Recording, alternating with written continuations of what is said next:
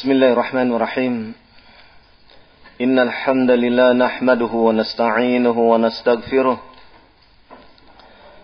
ونعوذ بالله من شرور أنفسنا ومن سيئات أعمالنا. من يهده الله فلا مضل له ومن يضلل فلا هادي له. أشهد أن لا إله إلا الله وحده لا شريك له وأشهد أن محمدا عبده ورسوله.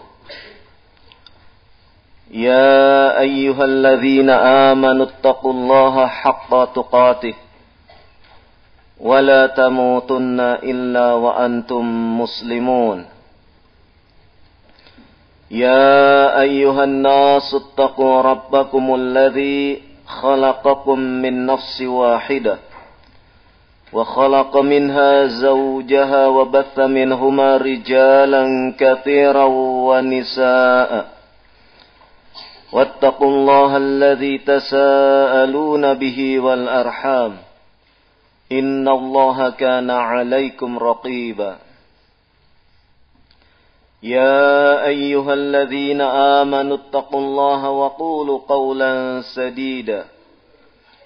يصلح لكم أعمالكم ويغفر لكم ذنوبكم. ومن يطع الله ورسوله فقد فاز فوزا عظيما. أما بعد فإن أصدق الحديث كتاب الله. وخير الهدي هدي محمد صلى الله عليه وعلى آله وسلم. وشار الأمور محدثاتها فإن كل محدثة بدعة وكل بدعة ضلالة وكل ضلالة في النار.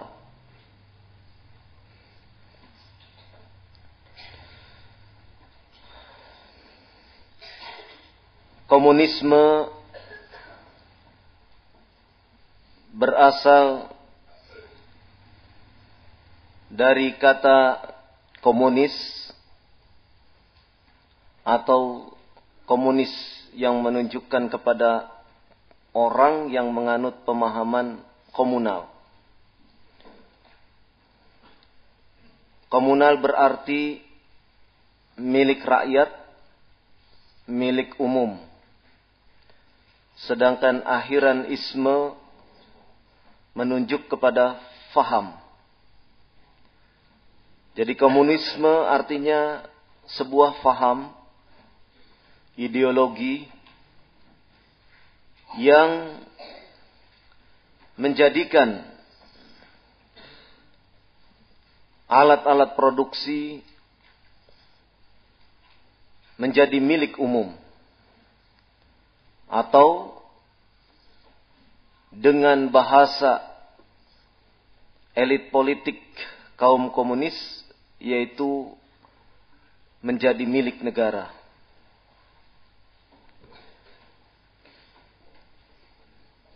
Sehingga komunisme adalah sebuah paham ideologi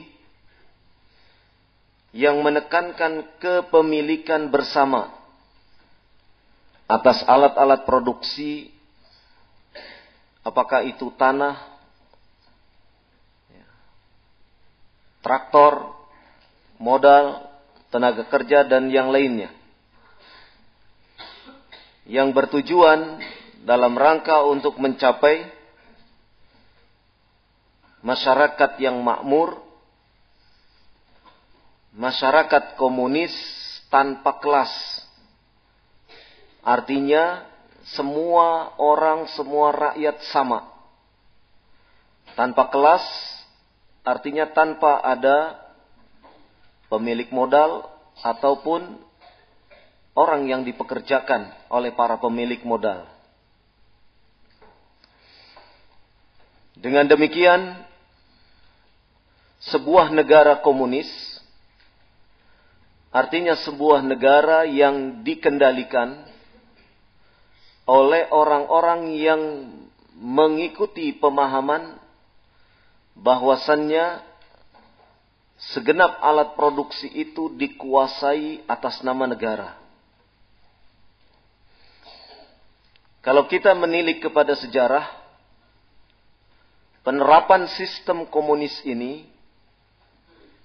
ada pada masa pemerintahan Lenin ataupun Stalin, generasi berikutnya. Ketika pemerintahan Uni Soviet yang dipimpin oleh orang yang berpemahaman nasionalis digulingkan oleh Lenin dengan mengerahkan tenaga buruh dan petani. Buruh diwakili dengan lambang palu, petani diwakili dengan lambang arit. Maka kemudian jadilah simbol palu arit. Simbol palu arit digunakan untuk menyatukan kekuatan buruh dan petani dalam rangka menggulingkan penguasa di Uni Soviet pada waktu itu sehingga kemudian lahirlah apa yang disebut dengan revolusi Bolshevik pada tahun 1917. Dari revolusi Bolshevik tahun 1917 ini, maka negara Uni Soviet di bawah kendali Partai Komunis dengan lambang palu arit.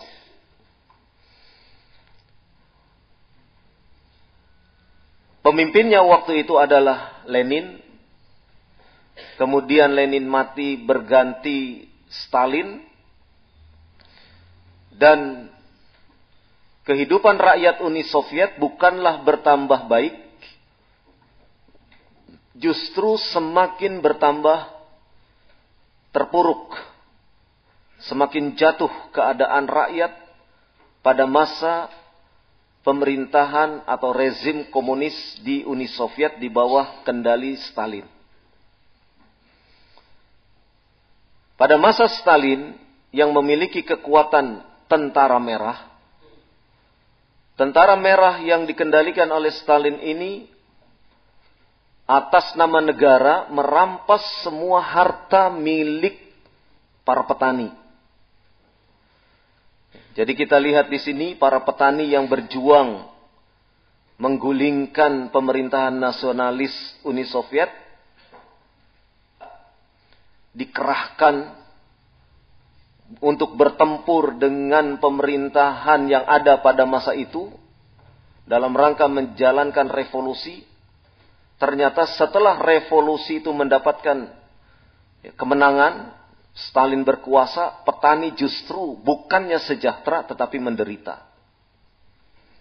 Bentuk penderitaan mereka bahwasannya segenap harta milik petani dikuasai atas nama negara. Dari mulai tanah, dari mulai traktornya, traktor untuk ya, apa namanya membajak tanah, kemudian sampai kepada hasil panen petani itu pun dirampas oleh negara. Ya, bahasa mereka dikuasai atas nama negara, padahal dirampas. Sehingga petani tidak memiliki apa-apa. Ya, dia bekerja, dia menanam, setelah panen dipanen. Setelah itu hasil panennya ya, dirampas atas nama negara. Maka pada masa Stalin inilah timbul ketidaksejahteraan di kalangan rakyat Uni Soviet. Para petani khususnya mengalami kelaparan. Sedemikian parahnya kelaparan mereka sampai mereka di zaman Stalin ini ya, mereka para petani ini menculik anak-anak kemudian untuk memakan dagingnya. Makan daging manusia. Ini keadaan rezim komunis di masa kekuasaan Stalin. Yang awalnya para petani dan buruh ini digerakkan dalam rangka untuk apa?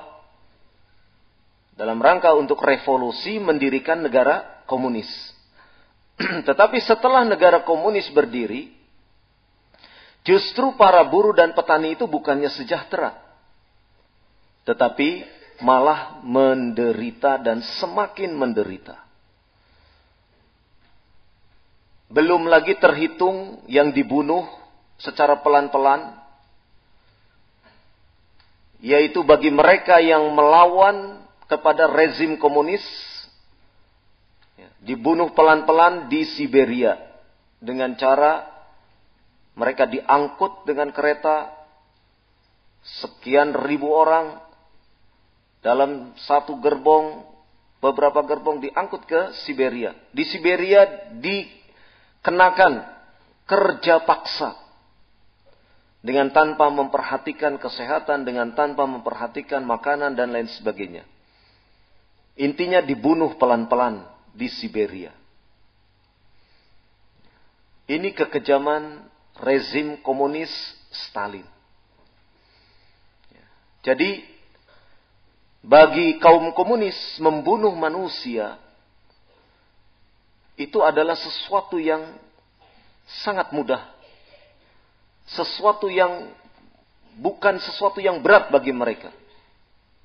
Tidak ada nilainya nyawa manusia di hadapan rezim komunis. Sehingga ya, para ahli sejarah sampai mengatakan ada yang mengatakan 40 juta rakyat Uni Soviet mati sia-sia di bawah rezim Stalin. Selama kekuasaan Stalin. Dan Stalin tidak tidak sayang untuk membunuh temannya sendiri. Bahkan kelompok ilmuwan-ilmuwan yang berusaha menentangnya dibunuh oleh tentara-tentara rahasia Stalin. Itu kekejaman daripada rezim komunis yang katanya ingin memakmurkan rakyatnya. Jadi sejarah komunisme selalu bercampur dengan bau amis darah. Sejarah komunisme senantiasa ditulis dengan merah darah. Darah yang membanjir. Dan peristiwa pembantaian demi pembantaian tidak hanya di Uni Soviet.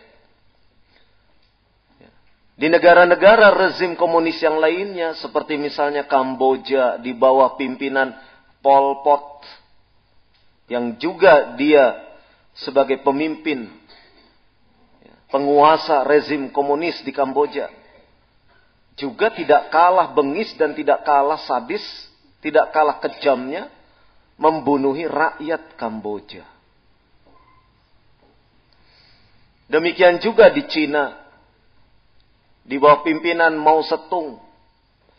Cina dalam keadaan rakyatnya dibantai. Ya. Ini menunjukkan bahwasannya keadaan sebuah negara di bawah pimpinan rezim penguasa komunis tidak akan mensejahterakan rakyatnya. Kalau sekarang dikatakan di Republik Rakyat Cina sekarang maju industrinya, itu karena sistem komunis tidak dijalankan secara konsisten. Karena Cina secara struktural kepartaian menganut sistem komunis, tetapi secara ekonomi menganut kapitalis. Sehingga Republik Rakyat Cina tidak bisa dikatakan murni sebagai negara yang menganut sistem ekonomi komunal. Ya. Artinya bahwasannya kapitalis di situ pun ada. Sehingga dengan demikian, kalau kita meneliti perjalanan sejarah, dalam lembar-lembar catatan sejarah, kita akan dapati bahwasannya setiap negara yang dipimpin oleh rezim komunis tidak mensejahterakan rakyatnya. Justru rakyat menjadi korban kebrutalan daripada penguasa komunis. Justru kemudian rakyat menjadi objek untuk dibantai. Objek untuk disakiti dan tidak menjadikan kemudian rakyatnya hidup dalam ketenangan tapi sebaliknya rakyat diliputi rasa takut tidak bebas untuk kemudian berusaha mencari nafkah dan lain sebagainya. Ini keadaan komunis. Jadi kalau kita melihat sejarah komunis di Indonesia itu sendiri, pasti ya, kaum Marxis mereka melakukan tidak jauh dari apa yang dilakukan oleh rejim komunis di Uni Soviet, tidak jauh dengan apa yang dilakukan oleh rezim-rezim komunis di negara-negara lainnya. Di Indonesia, sebagaimana kita ketahui, perjalanan sejarah komunisme, Marxisme, ya, diawali dari seorang diri. Ya. Ketika Jong Snevlit, seorang aktivis partai buruh di negeri Belanda datang ke Indonesia, menetap di Indonesia, maka kemudian faham Marxisme mulai berkembang. Faham Marxisme mulai berkembang. Faham Marxisme adalah faham yang diajarkan oleh Karl Marx yang di antara pemahamannya mengajarkan dialektika materialisme. Ya, bahwasannya segala sesuatu itu harus dalam bentuk wujud materi. Itu inti ajarannya. Sesuatu harus dalam bentuk wujud materi. Sesuatu yang tidak dalam bentuk wujud materi itu tidak dianggap hayal atau dianggap sebagai sesuatu yang tidak ada. Karena prinsip materialisme ini orang komunis tidak percaya kepada Allah Subhanahu wa taala. Orang komunis tidak percaya kepada malaikat. Karena keyakinan bahwa segala sesuatu harus berwujud materi, orang komunis tidak percaya kepada hal-hal yang gaib. Ya. Karena yang gaib itu tidak bisa diwujudkan dalam bentuk materi. Nah, sehingga pemahaman komunis menganggap agama itu adalah musuh bagi mereka. Mereka adalah anti agama. Ya. Anti Allah dan Rasulnya. Ya. Ini komunisme. Sehingga orang komunis tidak percaya adanya wujud Allah subhanahu wa ta'ala. Kenapa? Karena tidak bisa diwujudkan dalam bentuk materi. Ya. Sehingga dianggap Allah itu tidak ada oleh orang komunis. Ya. Ya. Subhanallah. Ini keyakinan kufur. Keyakinan Yahudi Nasrani saja tidak seperti ini.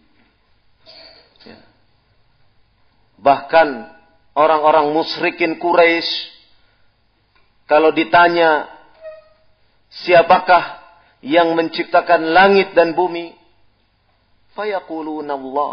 Mereka akan menjawab bahwasannya yang menciptakan langit dan bumi adalah Allah. Itu orang-orang musyrikin Quraisy. Ya. Musyrikin Quraisy dikatakan musyrik. Ya. Tapi dalam hal ya, rububiyah masih mengakui Allah Subhanahu wa taala. Orang komunis sama sekali. Tidak ada yang demikian. Ya.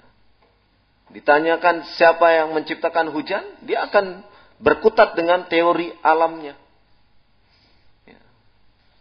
Berputar dari alam ke alam, dari ini ke ini, dari ini, kemudian turun hujan.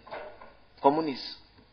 Tidak mengaitkan segala sesuatu yang terjadi di muka bumi ini atas kehendak Allah Subhanahu wa taala. Sehingga ideologi komunis jelas sangat bertentangan dengan Islam dalam masalah tauhid. Ya. Dalam masalah keimanan, ya. dalam masalah keimanan keyakinan ideologi komunis sangat bertentangan dengan Islam. Maka tidak mungkin seorang muslim yang baik akan tertarik dengan ideologi komunis. Ya. Berarti ada masalah. Ya. Karena mungkin saja akan mengatakan, tuh ada kiai yang ikut komunis. Nah berarti Islamnya nggak beres. Ya. Berarti Islamnya tidak beres pemahaman dia terhadap agamanya tidak beres. Karena tidak mungkin bisa menyatu antara ideologi komunis dengan apa yang telah diwahyukan oleh Allah Subhanahu wa taala melalui malaikat Jibril kepada rasulnya sallallahu alaihi wa ala alihi wasallam. Ini di antara pemahaman komunisme. Sehingga Orang komunis menyatakan bahwasanya agama itu hanya candu. Ya. Yang menina bobokkan manusia, yang menina bobokkan umat manusia.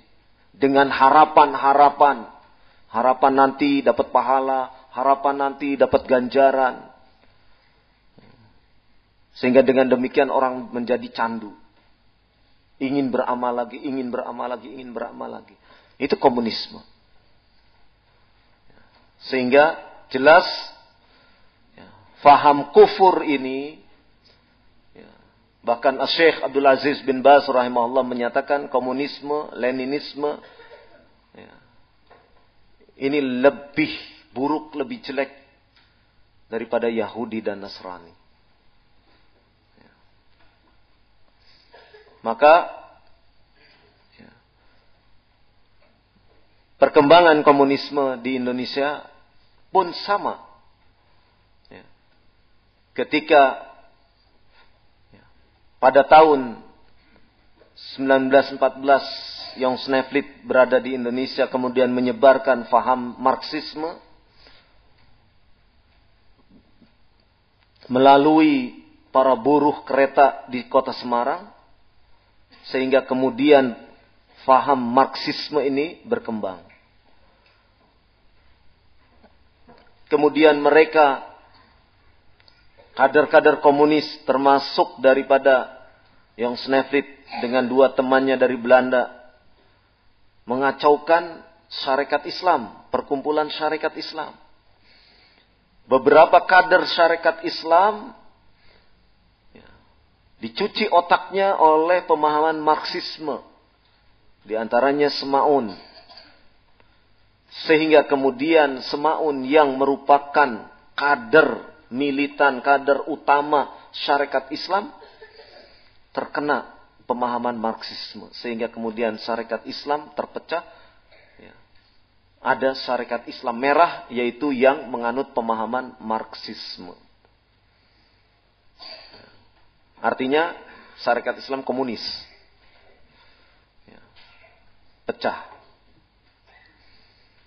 Dari sini kita melihat bagaimana gaya komunisme untuk melakukan infiltrasi, penyusupan ke perkumpulan, perhimpunan, partai, ataupun yang lainnya. Ketika mereka belum memiliki kekuatan, mereka bergabung dengan perkumpulan yang ada. Dan itu dilakukan sampai sekarang. Orang-orang komunis melakukannya. Ketika mereka belum mendapatkan kekuatan, mereka bersembunyi di baju-baju partai. Itu yang dilakukan orang-orang komunis dari dulu hingga sekarang.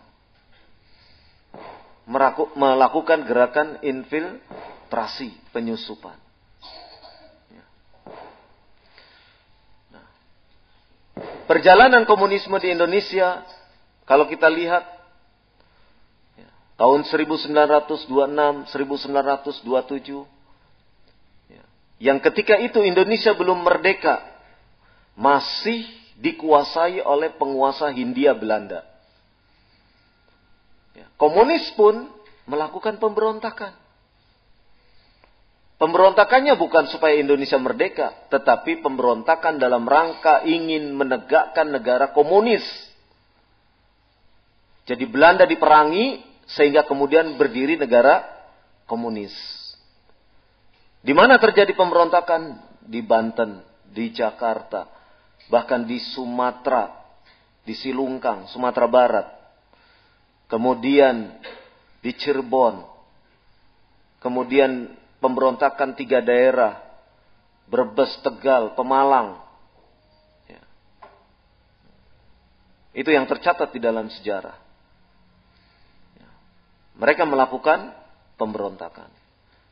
Mereka melakukan pemberontakan bukan dalam rangka untuk memerdekakan Indonesia, tapi dalam rangka untuk menegakkan negara komunis. Kenapa kita bisa katakan demikian? Karena pemberontakan ini dikonsultasikan langsung oleh Muso dan Alimin sebagai pimpinan PKI waktu itu, Partai Komunis Indonesia, yang datang langsung ke Moskow dan berbicara langsung dengan Stalin. Jadi sudah koordinasi sudah melakukan koordinasi. Ya, jangan bayangkan zaman dulu itu enak naik pesawat dari Cengkareng terus ke Moskow gitu. Enggak. Belum ada pesawat. Mereka entah dengan kendaraan apa sehingga sampai di Moskow. Ya, itu yang terjadi. Jadi pemberontakan-pemberontakan itu ya, didiskusikan di negara Uni Soviet ya, oleh Musso dan Alimin. Ya. Tapi oleh pemerintah Hindia Belanda berhasil dipadamkan. Sehingga apa? Para pemberontak ini ditangkap dan kemudian dibuang ke pulau ke mana? Dibuang ke Bovendigul, Tanah Merah.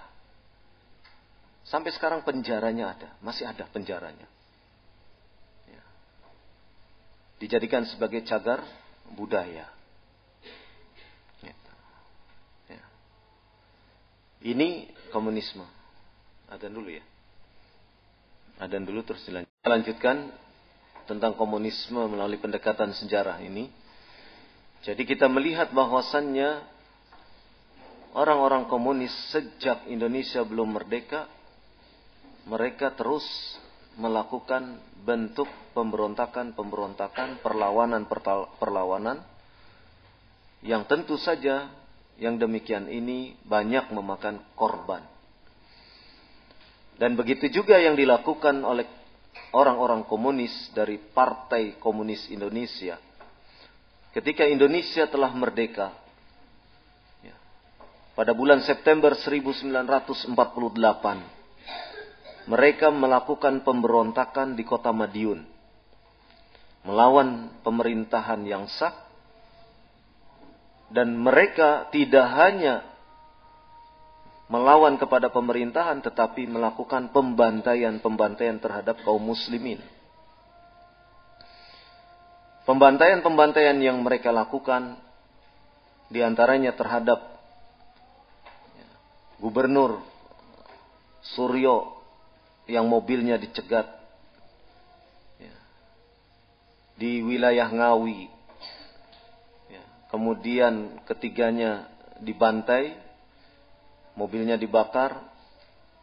Demikian juga mereka melakukan pembantaian terhadap para kiai, kaum muslimin yang lainnya, baik tentara maupun guru ataupun pegawai dinas kesehatan dan lain sebagainya. Ya. Mereka dibantai, dibawa ke sebuah kampung yang sekarang bernama Desa Kresek, Kecamatan Wungu, Kabupaten Madiun.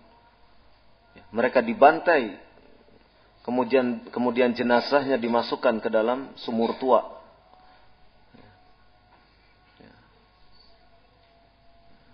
Kemudian juga orang-orang PKI melakukan pembantaian membakar hidup-hidup manusia. Ya, itu terjadi di kampung, ya, di Dukuh, Gebung, ya, desa eh, kecamatan Kedunggalar, Kabupaten Ngawi. Ya, di sebuah loji, rumah besar peninggalan Belanda. Ya, orang-orang Islam dikumpulkan di situ, kemudian dibakar hidup-hidup. Sebahagian mereka berhasil dengan pertolongan Allah Subhanahu wa taala meloloskan diri. Ya. Sebahagian lagi yang berhasil meloncat dari jendela tapi ternyata di balik api sudah ada ranjau-ranjau dari bambu sehingga mereka terkait tersangkut di ranjau-ranjau itu. Ya. Ini kekejaman, kebiadaban orang-orang dari Partai Komunis PKI. Ya. Hari Rabu yang lalu, ya, dengan pertolongan Allah Subhanahu wa Ta'ala, ya, kita bisa mendatangi saksi hidup yang masih hidup. Usianya sudah 90 tahun, tapi daya ingatnya masih kuat. Menceritakan kembali tentang kebiadaban PKI yang membakar loji gebung.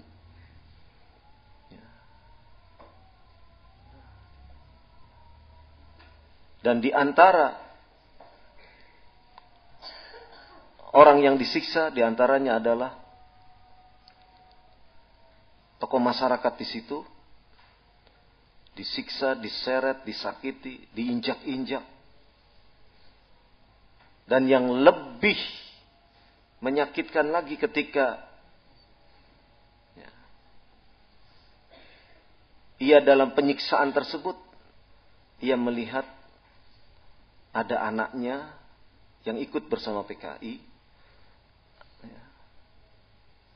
ada menantunya yang juga ikut di dalam gerombolan masa PKI itu. Jadi anak dengan teganya menyiksa orang tuanya sendiri. Itu komunis.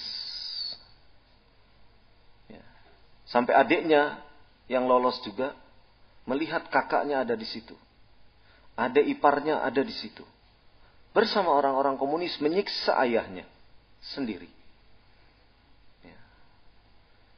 Nah, ini bukti kekejaman PKI. Sehingga dirinya tidak menyangka kalau selama ini orang yang ya, ya namanya kakak beradik satu rumah, ternyata ia sudah terkena teracuni oleh pikiran komunis. Ya. Ini kenyataan. Saksinya masih hidup. Masih bisa bercerita. dan berbagai pembantaian lainnya ya, di Magetan, di daerah Soco, Bupati Magetan waktu itu dibantai juga, ya, guru-guru pesantren dibantai juga, Ini komunis. Dimasukkan ke sumur-sumur tua di daerah sekitar Magetan. Dan sedemikian banyak yang dilakukan oleh orang-orang PKI ketika terjadi pemberontakan September 1948. Dan ini sejarah. Ya, ini sejarah. Bahkan di antara nama-nama orang yang dibantai itu masih tercatat. Nama-namanya masih tercatat. Seperti misalnya pembantaian di Desa Kresek, Kecamatan Wungu. Masih jelas namanya nama-nama orangnya masih jelas di situ. Ya, tercantum. Karena bisa diidentifikasi jenazahnya. Ya. Ini menunjukkan bahwasannya kebiadaban PKI ya, itu tidak mengenal rasa peri kemanusiaan. Ya, manusia dianggap seperti binatang. Tidak ada harganya.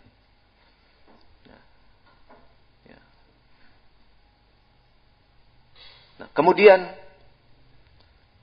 tahun demi tahun, ya, walaupun PKI telah melakukan perbuatan yang dahsyat seperti ini, luar biasa, pembantaian demi pembantaian, mereka masih diberi kesempatan.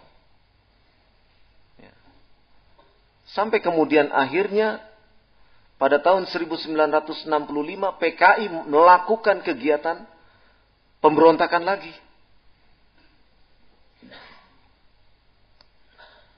dengan membunuh para petinggi angkatan darat. Subuh buta dalam keadaan orang masih tidur lelap, Jakarta masih sepi. Mereka datangi rumah petinggi-petinggi jenderal-jenderal angkatan darat. Ya. Diketuk pintunya, dipaksa keluar. Kalau tidak mau, diberondong, ditembaki, mati, diseret. Dan setelah itu dimasukkan, dibawa ke lubang buaya, dimasukkan ke lubang buaya. Yang sebelumnya mereka disiksa dulu tentunya. Ini yang dilakukan oleh Partai Komunis Indonesia. Sehingga kalau kita melihat apa yang dilakukan oleh komunis seperti itu, kita tidak kaget. Kenapa demikian? Karena jelas mereka ini orang-orang yang tidak meyakini, tidak beriman kepada Allah Subhanahu wa taala. Tidak mengimani Rasulnya Sallallahu Alaihi wa ala alihi Wasallam. Kalau sudah tidak demikian, ya, mereka lebih jelek daripada binatang. Sehingga berbuat apa pun mereka tidak ada perhitungan. Kita bisa memahami kebejatan mereka itu karena memang di antaranya tidak ada keimanan kepada Allah Subhanahu wa Ta'ala. Sehingga mereka berbuat sesuka hati mereka. Idza lam tastahi fasna' ma syi'ta kata Rasulullah sallallahu alaihi wasallam. Apabila sudah tidak punya rasa malu, maka berbuatlah semaunya. Dan PKI berbuat semaunya. Manusia dibantai. Ya. Siapa yang tidak sehaluan bunuh. Ya. Dan seterusnya demikian. Ya. Ini komunisme. Tidak di luar negeri, tidak di dalam negeri. Setelah mereka dilarang, ya, Allah Subhanahu wa taala masih menjaga kaum muslimin di Indonesia ini. Ya, sehingga tidak dikuasai oleh rezim komunis. Ya, pemberontakan mereka untuk mendirikan negara komunis digagalkan dengan pertolongan Allah Subhanahu wa taala. Kemudian mereka masih diberi Walaupun sudah dilarang, mereka masih melakukan gerakan-gerakan. Kader-kader mereka yang dari ya, pimpinan mereka yang dibuang ke Pulau Buru setelah masa habis ya, tahanannya kembali ke daerahnya masing-masing. Di daerahnya mengkader lagi yang baru-baru. Anak-anak muda. Ya. Sehingga kita lihat pada masa reformasi, kita lihat anak-anak muda ya, sudah memiliki pemikiran-pemikiran Marxis. Ya. Sudah memiliki pemikiran Marxis. Marxisme. Komunis. Itu bisa kita lihat. Ya. Dari mulai bendera mereka, forkot, forum kota, jarkot, jaringan kota, ya. PRD-nya. Ya. Mereka melakukan gerakan-gerakan ya, untuk menggulingkan kekuasaan. Ya. Yang intinya mereka ingin Presiden Soeharto lengser. Dan itu yang mereka katakan sebagai bentuk penggulingan kekuasaan.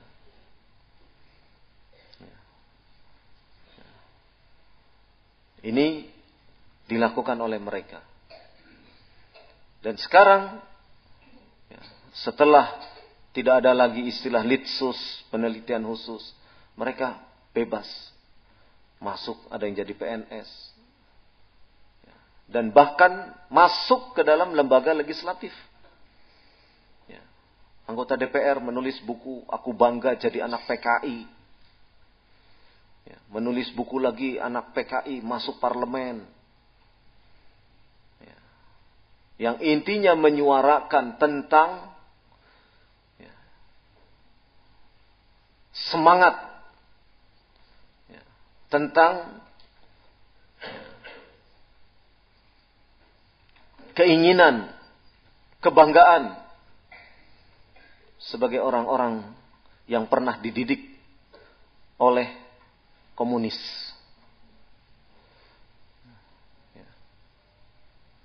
Nah, sehingga kita lihat sekarang isu komunisme menghangat. Berbagai kaos. Kaos dengan di sini palu arit. Gambar palu arit menunjukkan komunisme. Kaos tulisannya PKI, tapi diplesetkan pecinta kopi Indonesia. Ya. Ya. Tapi intinya gambarnya cangkir dengan ya, pegangan gagangnya arit, tempat pengaduknya palu, palu arit. Tetap ada.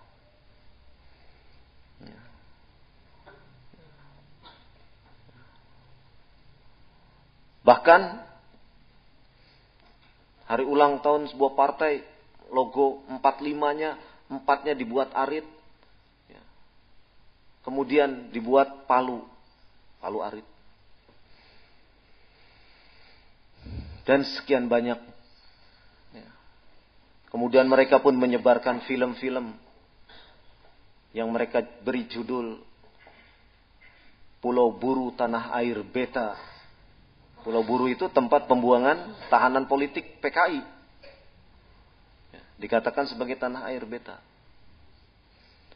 Nah, kemudian yang perlu kita waspadai juga, mereka didukung oleh orang-orang liberal.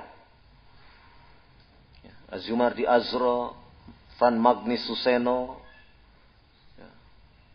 dan juga mereka didukung oleh gereja Kristen Persatuan Gereja-Gereja Indonesia mendukung gerakan-gerakan mereka. Orang-orang liberal mengatakan bahwasannya isu kebangkitan komunisme itu kuntilanak. Tahu kuntilanak? Sebutannya ada tapi wujudnya tidak pernah kelihatan. Hantu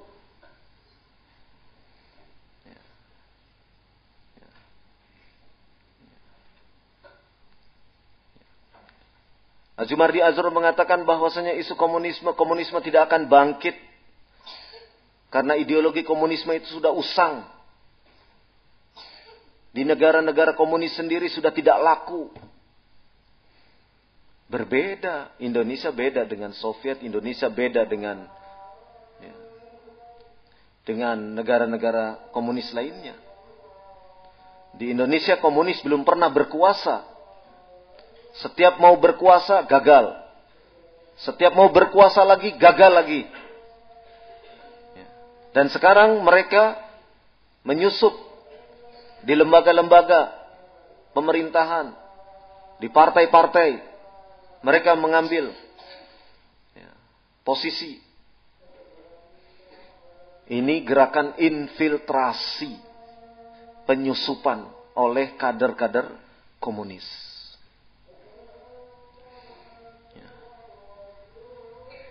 Sehingga kita melihat di sini bahwasannya dari fenomena ini menunjukkan bahwasannya memang ada orang-orang yang ingin membangkit-bangkitkan ideologi komunisme ini di tengah masyarakat Indonesia. Dan kita tidak boleh menutup mata. Meskipun kita tidak boleh takut menghadapi mereka. Allah subhanahu wa ta'ala bersama orang-orang yang beriman. Mereka melakukan tes case. Uji coba. Nah sekarang coba kaosnya disebar dulu. Yang suruh pakai bukan mereka. Yang suruh pakai anak-anak muda. Yang anak muda ini nggak ngerti komunis. Kalau ketangkap, paling ditanya, kamu ngerti nggak lambang ini? Enggak tahu. Kan begitu. Akhirnya dilepas. Dalangnya pun nggak nggak bakal ditangkap. Kalau penyebaran kaos ini berhasil, tidak ada tindakan dari aparat keamanan, mereka akan melakukan agenda berikutnya. Merencanakan makar berikutnya. Yang lebih lagi Ternyata setelah atribut angka 45, oh masyarakat protes. Setelah kaos, oh masyarakat protes. Mereka akhirnya tenang. Dalam pengertian ganti strategi. Karena masyarakat masih antipati dengan komunisme. Dan itu yang seharusnya kita tumbuhkan di tengah masyarakat. Kaum muslimin terkhususnya. Untuk senantiasa tumbuh pada diri mereka sikap antipati terhadap komunisme. Sikap antipati terhadap komunisme didasari karena komunisme adalah sebuah ajaran yang kufur kepada Allah Subhanahu wa taala.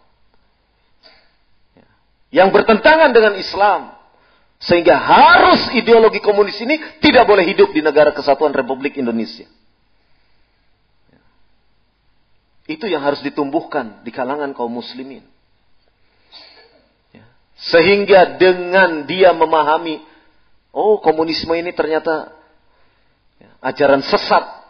Ya, maka kaum muslimin ketika ada logo-logo palu arit, ya, ada misalnya buku-buku yang sedikit banyak mengajarkan tentang komunisme, kaum muslimin bisa bereaksi. Meskipun reaksinya tetap harus dalam sikap yang terkendali. Jangan sampai anarkis. Ada orang pakai kaos palu arit langsung dipukuli misalnya. Tidak boleh. Jangan. Tangkap, serahkan kepada polisi. Biarkan polisi yang memproses. Yang menyelidiki dari mana kaos ini. Diberi oleh siapa. Ya, di sablonnya di mana, dicetaknya di mana. Bosnya siapa. Kan begitu. Biarkan polisi yang menyelidiki. Dan kita jangan kemudian bertindak anarkis, jangan kemudian kita main hakim sendiri. Kalau kita main hakim sendiri, nanti polisi ya, satu mengendalikan kita kaum muslimin, satu ngurusi komunis, pecah. Biarkan sekarang polisi konsentrasi mengurus, fokus mengurus kepada komunisme ini. Ini yang harus ditanamkan. Ya. Selain kita terus berdakwah agar kaum muslimin memiliki akidah yang kokoh. Ya. Memiliki keimanan yang benar. Keyakinan yang benar. Sehingga kalau ada ajaran-ajaran komunisme, mudah untuk menangkalnya. Karena sebagaimana tadi kita ungkapkan di dalam perjalanan sejarah komunisme, komunisme senantiasa sedemikian mudah untuk membunuh manusia. Ya. Padahal Allah Subhanahu wa taala telah berfirman wala taqtulunan nafsal lati illa bil haqq. Dan mereka tidak membunuh jiwa yang telah Allah Subhanahu wa taala haramkan kecuali dengan alasan yang benar, kecuali membunuh dengan alasan yang benar. Islam sedemikian tinggi menjaga jiwa manusia.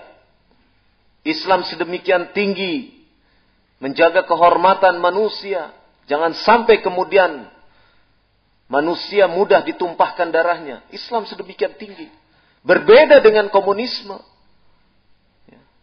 yang tidak menghargai, tidak menghormati nyawa manusia.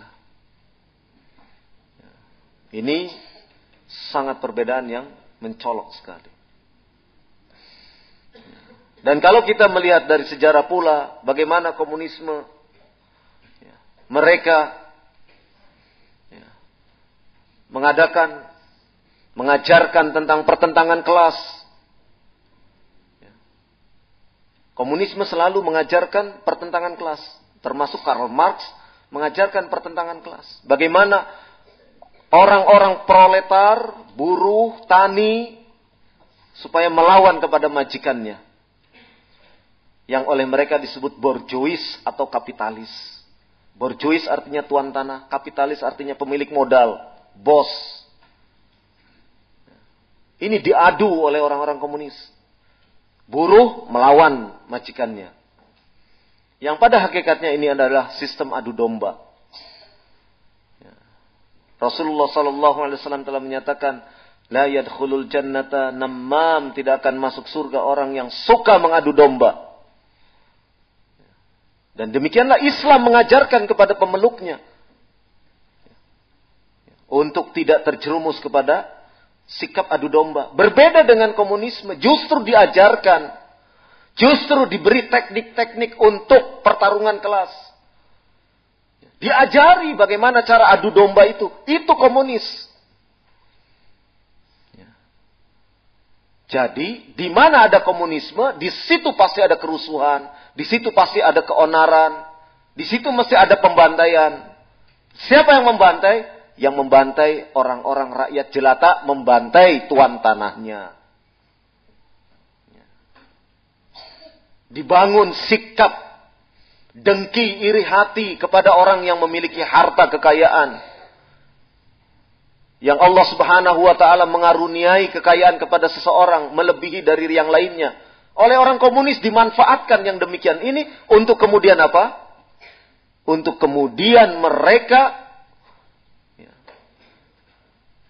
bersikap dengki dan kemudian diadu domba. Jadi selalu ada kekerasan demi kekerasan. PKI itu mengajarkan kekerasan demi kekerasan. Ini yang kita bisa lihat. Dan PKI selalu mengajarkan untuk menggulingkan penguasa. Dengan bahasa lain, pemberontakan. PKI selalu mengajarkan itu. Orang-orang PRD dulu. Bagaimana mereka merekayasa supaya Soeharto, Presiden Soeharto jatuh. Kan begitu. Itu tidak ya, tidak aneh bagi kita. Kenapa? Karena pendahulunya Aidit, Nyoto, orang-orang PKI ini Bagaimana berupaya untuk menggulingkan kekuasaan yang ketika itu pada tahun 1965 ya, ingin menggulingkan penguasa yang ada. Ya. Itu pun kita tidak aneh karena sebelumnya sudah ada juga contohnya bagaimana Musa ingin melakukan penggulingan kekuasaan. Jadi intinya memberontak terus Ini ideologi komunis. Jadi orang diajari untuk melawan penguasanya. Sedangkan Islam mengajarkan mengajarkan kepada pemeluknya untuk apa? Taat kepada waliul amr. Allah Subhanahu wa taala berfirman, "Ya ayyuhalladzina amanu Allah wa atii'ur rasul wa ulil amri minkum." Begitu kan yang diajarkan di dalam agama kita, agama yang mulia. Sedangkan komunis mengajarkan pemberontakan, melawan penguasa. Itu yang diajarkan. Anak-anak muda dikompori, diprovokasi untuk bisa melawan penguasa. Sementara Islam mendidik umatnya untuk taat kepada waliul amr.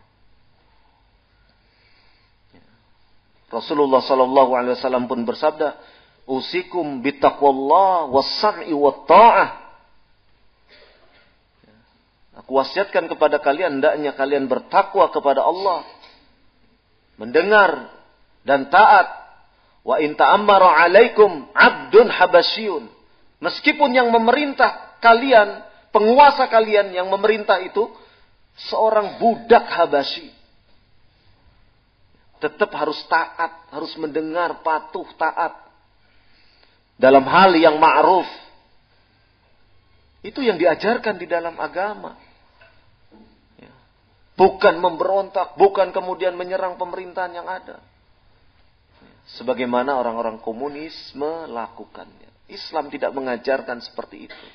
Dan ini perbedaannya. Ini ajaran yang nyata dan bertentangan dengan Islam. Ya. Sehingga pantas kalau komunisme itu tidak boleh hidup di negara Republik Indonesia. Organisasi yang PKI itu organisasi teroris. PKI itu teroris. Mari kita bandingkan. Masih ingat peristiwa 16 Januari 2016? Di Jalan Tamrin, Pak Polantas tidak bersenjata ditembak. Iya. Lima orang melakukan aksi di Jalan Tamrin, nembaki Polantas, ya, dari jarak dekat. Berapa yang jadi korban waktu itu? Berapa? Lima atau berapa? Sedikit kan? Pakai pistol aja nembaknya, dor, mati, geletak di Jalan Tamrin. Ya. Terus kita mengatakan aksi yang di Jalan Tamrin itu sebagai aksi apa? Hah? Aksi teroris kan? Sepakat orang Indonesia mengatakan itu terorisme. Nah sekarang ada orang di pagi buta bawa senjata Thompson. Ya, laras panjang Thompson. Thompson. Pakai pakaian tentara Cakrabirawa datang Pagi-pagi buta. Sebelum subuh. Ya. Terus menembaki, memberondong. Kira-kira teroris bukan? Kalau yang di jalan Tamrin yang cuma pakai dor-dor, pakai pistol, teroris, ini pakai senjata. Diberondong. Dan yang dibunuh bukan hanya satu dua orang. korbannya. Ya. Terus kita mengatakan apa? Ya. Ya. Itulah PKI melakukan pemberontakan dengan cara teroris. Ya. Jadi jelas apa yang dilakukan oleh kaum komunis dulu dan sekarang menggunakan cara-cara kekerasan. Dan itu semua tidak diajarkan di dalam agama kita. Tidak diajarkan di dalam agama kita. Agama kita mengajarkan taat dalam hal yang ma'ruf kepada waliul amr, kepada pemerintah. Sementara komunisme mengajarkan untuk memberontak. Ya. Ajaran agama kita mengajarkan untuk menjaga kehormatan darah, jangan sampai darah manusia tertumpah. Komunisme sedemikian mudah membunuh manusia. Ya. Ajaran agama kita menanamkan tentang tauhid. Meyakini Allah Subhanahu wa taala yang memberikan rizki dan lain sebagainya. Komunisme mengajarkan anti untuk tidak beriman kepada Allah Subhanahu wa taala. Ya. Ya. Agama kita mengajarkan untuk menjaga hubungan baik dengan siapa pun. Selama dia tidak menyakiti, tidak memerangi kita. Berbuat baik dalam batas-batas syariat. Ya. Sementara komunisme mengajarkan adu domba. Satu dengan lainnya dipertentangkan. Dan itu diajarkan oleh mereka dengan istilahnya teori pertentangan kelas. Ditanamkan oleh mereka.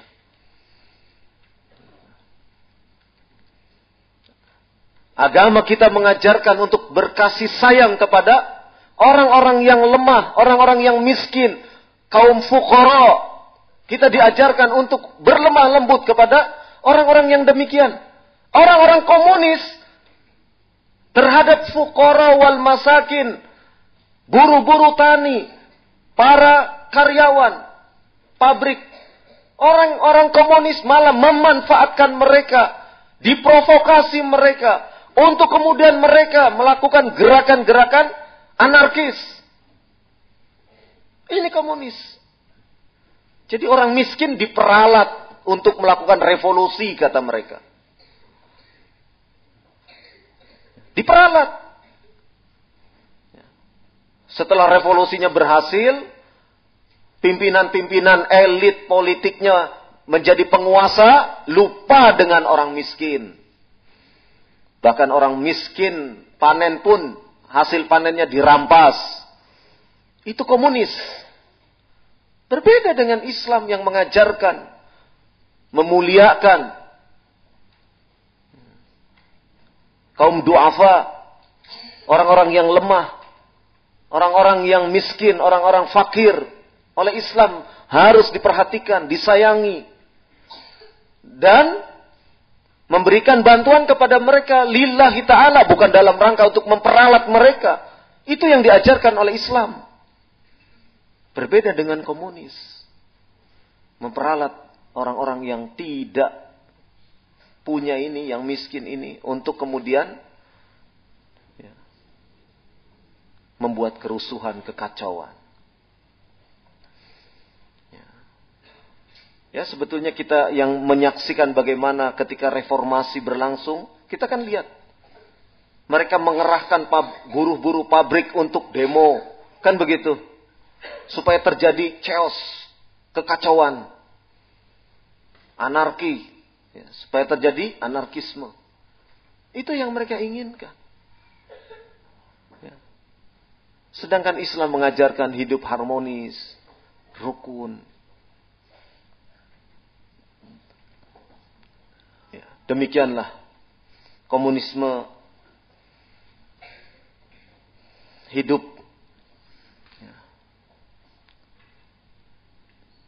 Dan upaya untuk menghidupkan komunisme itu akan terus ada.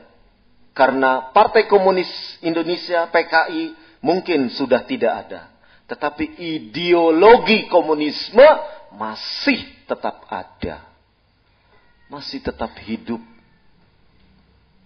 itu yang harus kita waspadai. Ya. Jangan menganggap ini isu hantu, kuntilanak. Ada namanya tapi wujudnya tidak ada. Jangan. Ya. Ya. Karena apa? Ya, karena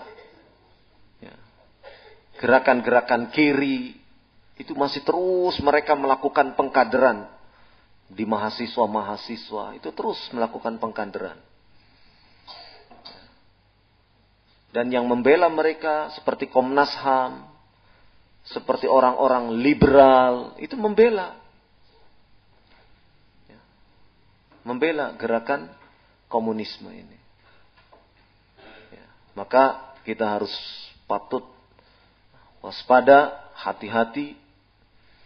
Ya. Dan jangan lupa kita harus menegakkan amar ma'ruf nahi mungkar gerakan amar ma'ruf nahi mungkar. Jadi ketika kita memberantas komunisme, niatkan karena Allah Subhanahu wa taala, ikhlas lillahi taala dan dalam rangka untuk mewujudkan amar ma'ruf nahi mungkar. Karena apa? Karena ideologi komunis ini sebuah kemungkaran, kebatilan yang harus diperangi dengan cara menegakkan hujah. Fahamkan masyarakat tentang bobroknya ideologi komunisme. Fahamkan masyarakat tentang jelek dan buruknya rejim komunis.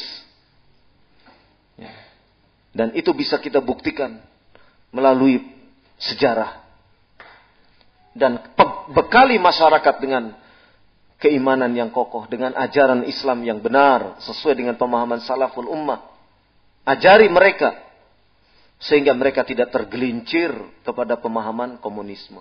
Dan yang sangat rentan adalah kalangan pelajar mahasiswa, kaum buruh di antaranya. Oleh karena itu kita harus berbuat. Karena mereka sudah bergerak, orang-orang komunis sudah bergerak, ya, kita harus berbuat.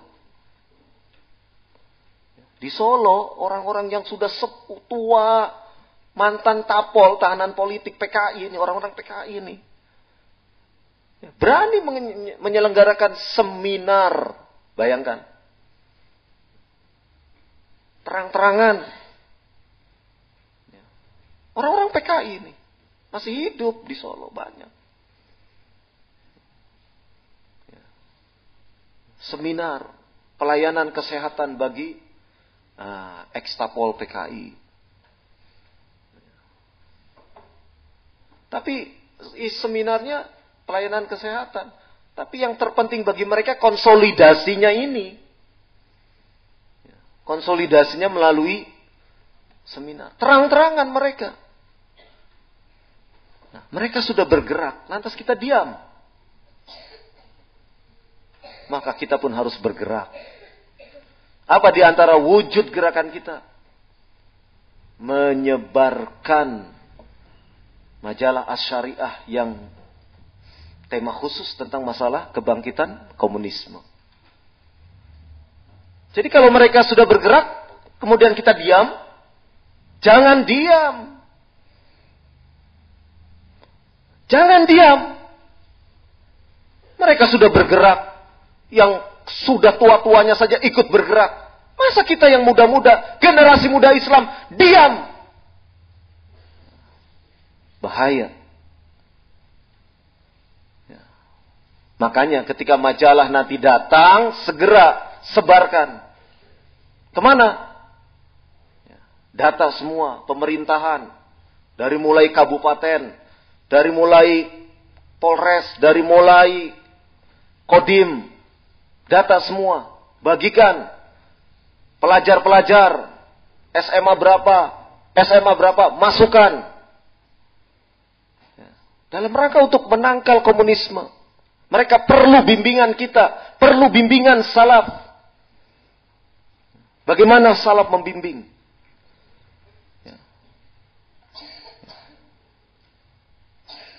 Salafin harus di depan memimpin. Ya. Jangan diam. Ya. Wah, saya malu kalau ke kantor polisi nggak biasa, justru sekarang harus sudah biasa. Datang ke kantor polisi. Om kita ini ke kantor polisi bukan untuk minta-minta kok. Kita mau dakwah. Kita mau menyebarkan, menitipkan pesan. Ini pesan kami tentang komunisme. Berantas. Jangan ragu TNI Polri. Berantas. Kami kaum muslimin berada bersama Anda. Begitu. Sehingga TNI Polri tidak merasa sendirian memberantas komunisme. Ada kaum muslimin yang menemaninya. Itu tunjukkan. Jangan kita lantas dia. Malu ah ke kantor Kodim. Nggak biasa. Sekarang harus biasa. Tunjukkan semangat kita, dakwah kita, amar ma'ruf nahi mungkar kita. Jangan nanti majalah datang numpuk aja di gudang. Sayang. Ya. Bila perlu sehari sudah habis. Oh kurang ini. Ayo beli lagi. Urunan lagi. Berapa sih harga majalah? Lima ribu. Lima ribu itu kita bawa sepeda motor ke kota Bogor. Mampir di toko ini parkir. Dua ribu ya kan? Mampir lagi. Dua ribu lagi. Tiga kali parkir sudah bisa beli satu majalah. Kalau kita serius, kalau kita serius menghadapi isu kebangkitan komunisme ini.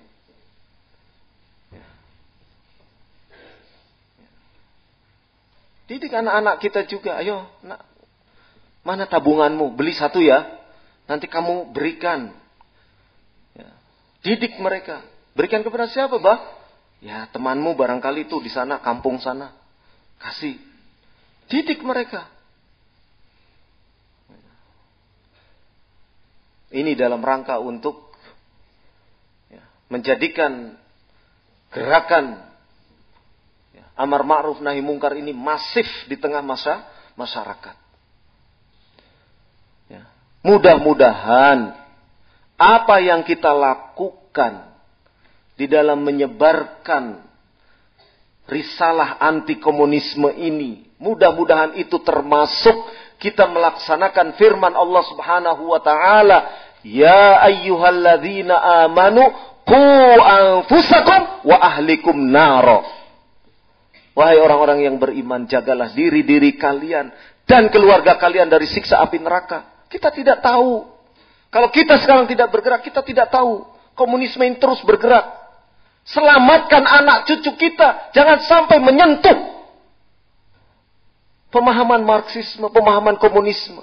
Oleh karena itu, mulai sekarang bunuh komunisme. Jaga anak keturunan kita. Jangan sampai kemudian terjerat pemahaman komunis. Waliyadzubillah. Maka kita harus semangat untuk menyebarkan risalah itu. Sebagai bahagian tugas tanggung jawab kita. Membantu waliul amr dalam hal yang ma'ruf.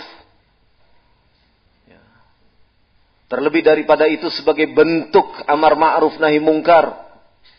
Yang telah diperintahkan oleh Allah subhanahu wa ta'ala dan Rasulnya kepada kita Masa kita diam saja lihat palu arit bertebaran? Masa kita lihat diam saja melihat mereka bergerak? Melawan aparat kepolisian, melawan aparat TNI. Masa kita biarkan kita cuma bisa membaca beritanya saja? Kita tidak bergerak. Salafin harus di depan